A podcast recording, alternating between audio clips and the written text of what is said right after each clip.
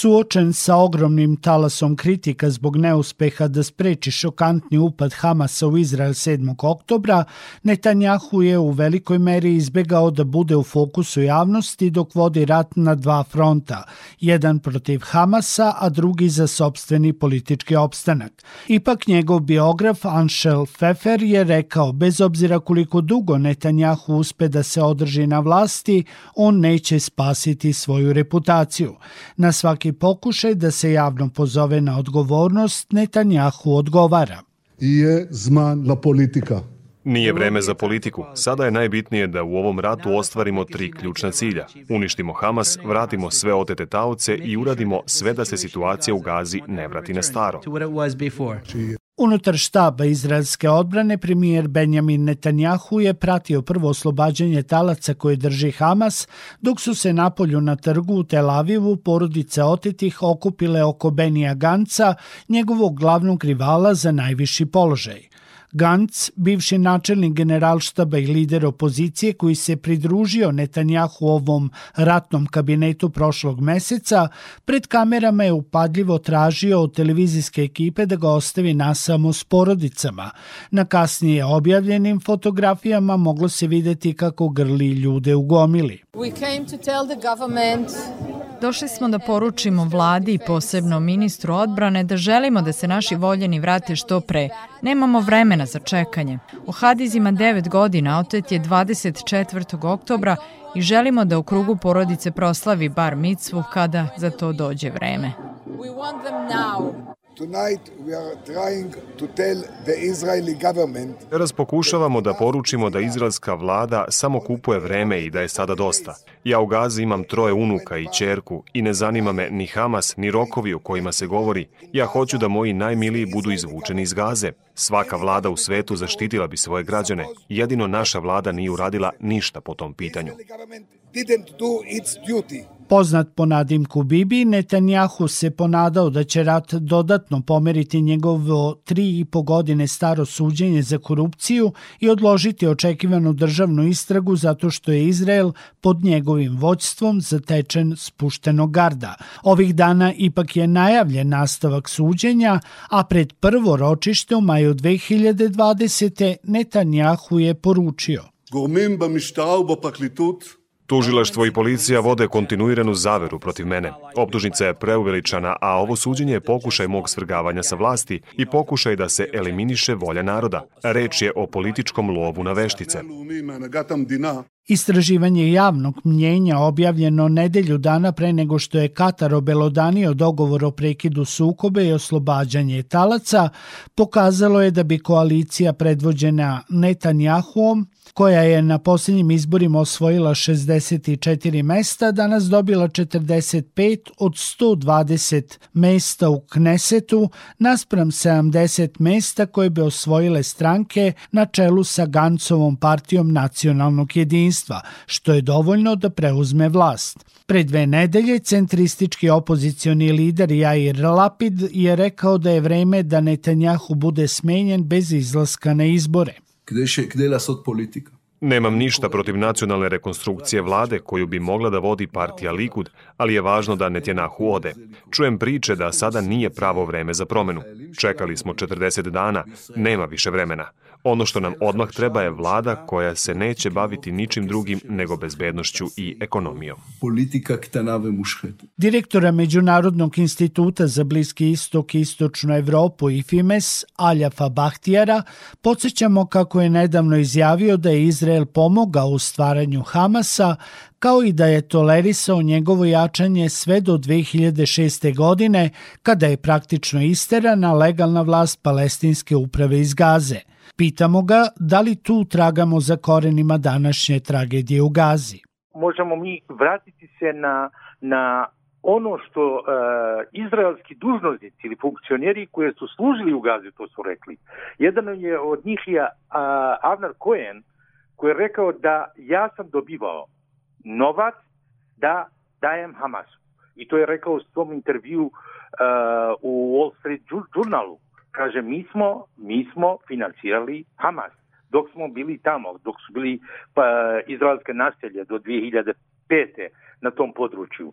A drugo, mi imamo i drugog e, vojnika, vojnog dužnostika koji je brigadni general Isak Segev, koji je rekao da pokret uh, Hamas nismo os, uh, ojačali da bi su prostavili Jasaru Arafatu i pokretu Fatah. To je vrlo jasno.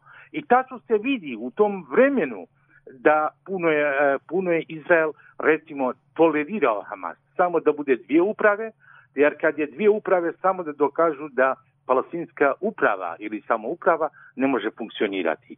I nažalost to su vidjeli, ali Izrael isto imao koristi od toga. Taj koristi od to da sporozum iz Osloa, da se uh, osniva palestinska država, recimo da sa, sa politikom Hamasa došlo do toga da kraj tog uh, sporazuma iz Osla. Kao mi znamo, sporazum u Oslu, uh, palestinska oslobodilačka organizacija ili palestinski, palestinsko političko vodstvo su odrekli nasilju i priznali su Izrael u svojim granicama. Priznali su Izrael na pravo na opstanak. Taj pravo na opstanak nikad nisu mogli palestinci to akceptirati, niti arapske nacije. Ali iza toga već mi vidimo Hamas koje poziva na uništavanje Izraela i oslobođenje cijele Palestine, znači današnjeg Izraela. I normalno da to, to je bio samo interesu Izraela.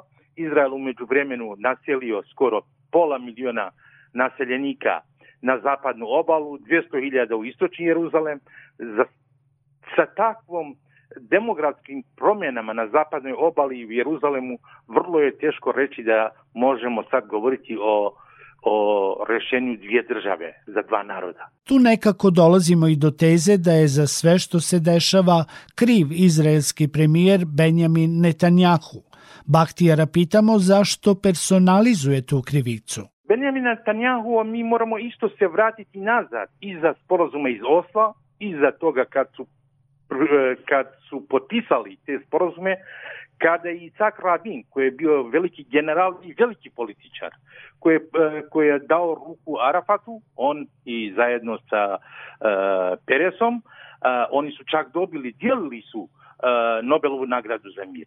Iza toga mi smo videli sa tom politikom, sa tom huškanjem unutar Likuda u to vrijeme došlo do toga da su uh, atenta, izvršili atentat na rabine i rabina su ubili 95. 96. već Netanjahu dolazi i tu se počne, kad mi idemo na tu istoriju, od 96.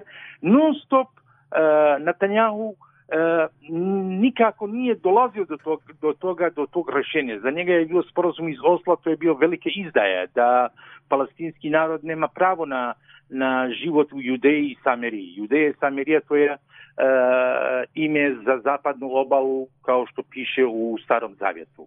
I njegova politika zadnjih 20 godina, koje on je bio u 4-5 mandata, e, nikako istine je, mi ne možemo mu, mu, mu potvrditi i priznati da on je napravio ekonomsko čudo znači u razvoju ekonomije Izraela.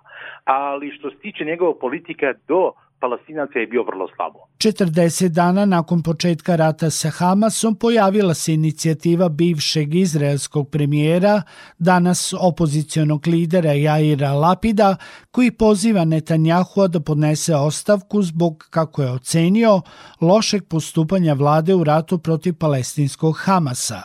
Direktora IFIMES-a pitamo kako tumači ovu inicijativu koja insistira i na činjenici da je Netanjahu jedini u komandnom lancu koji nije preuzeo odgovornost za napad 7. oktobra.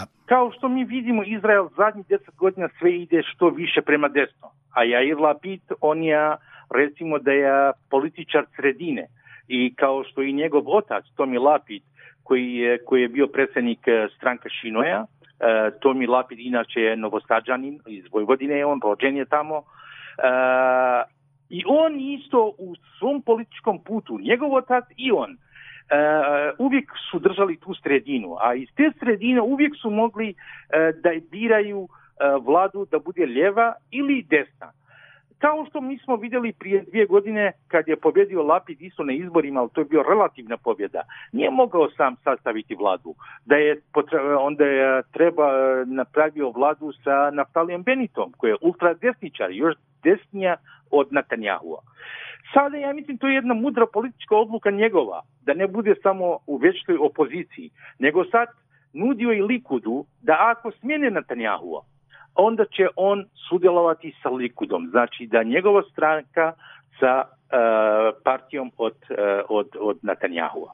Normalno on ima drugi uslov. Drugi uslov njegov je da te vjerske stranke koje su u, u ortodoksne verske stranke kao su Smotrić ili Bengafiri i ostali ne smiju biti u nikakvoj vladi. Normalno ti ljudi vrlo je teško danas u Evropi i u svijetu e, takve ideologije koje već podsjeća na neka vrsta Uh, koje su ideologije koje smo mi mislili prije, ne znam, 75 godina iza drugog svjetskog rata da nestalo, ta fašizam ili taj u tome da treba, ne znam, uh, baciti jednu atomsku bombu i sve pobiti. Takve stvari ja mislim da to ne dovodi do konačnog rešćenja. Znači, ovo je rat koji traje između palestinaca i izraelaca zadnjih 75 godina, znači može trajati još budući 50 godina.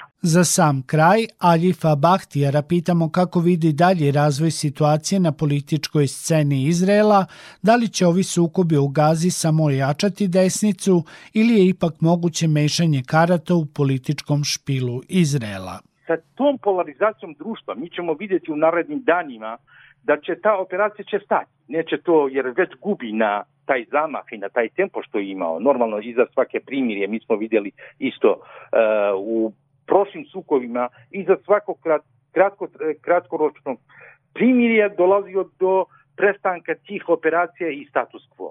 E sada, kako će dalje Izrael može to nastaviti sa svojom operacijom, vrlo je teško jer kao što smo rekli doći do političke polarizacije, već opozicija govori u tome da vlada mora dati e, da pola, polagati račune, a te račune ova vlada, to nije samo Netanjahu, znači ove desničarske stranke koje su oni tamo. E, mi sad ovde prvenstveno govorimo o Bengafiru i Smotriću. I sigurno će doći do, do, do, do neke slagane, novi slagane karata. Moguće je da vrlo je lako sad da dođe, neće sad biti osnovano nikakva komisija, a ta komisija će biti osnovano, to su 73.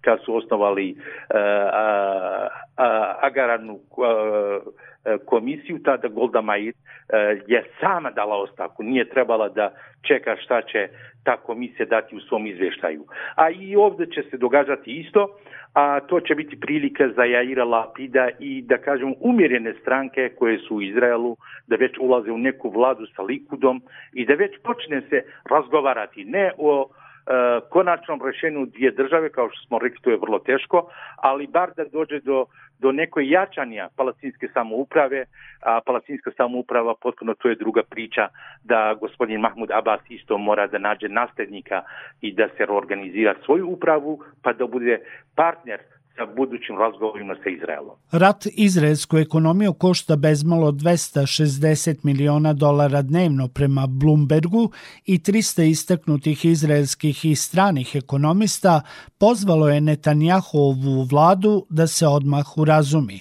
Raste njegova nepopularnost, a međunarodna podrška koju je uživao nedugo nakon 7. oktobra nastavlja da opada kako raste broj mrtvih u Gazi. Sektor Plus Svet sa naslovnice.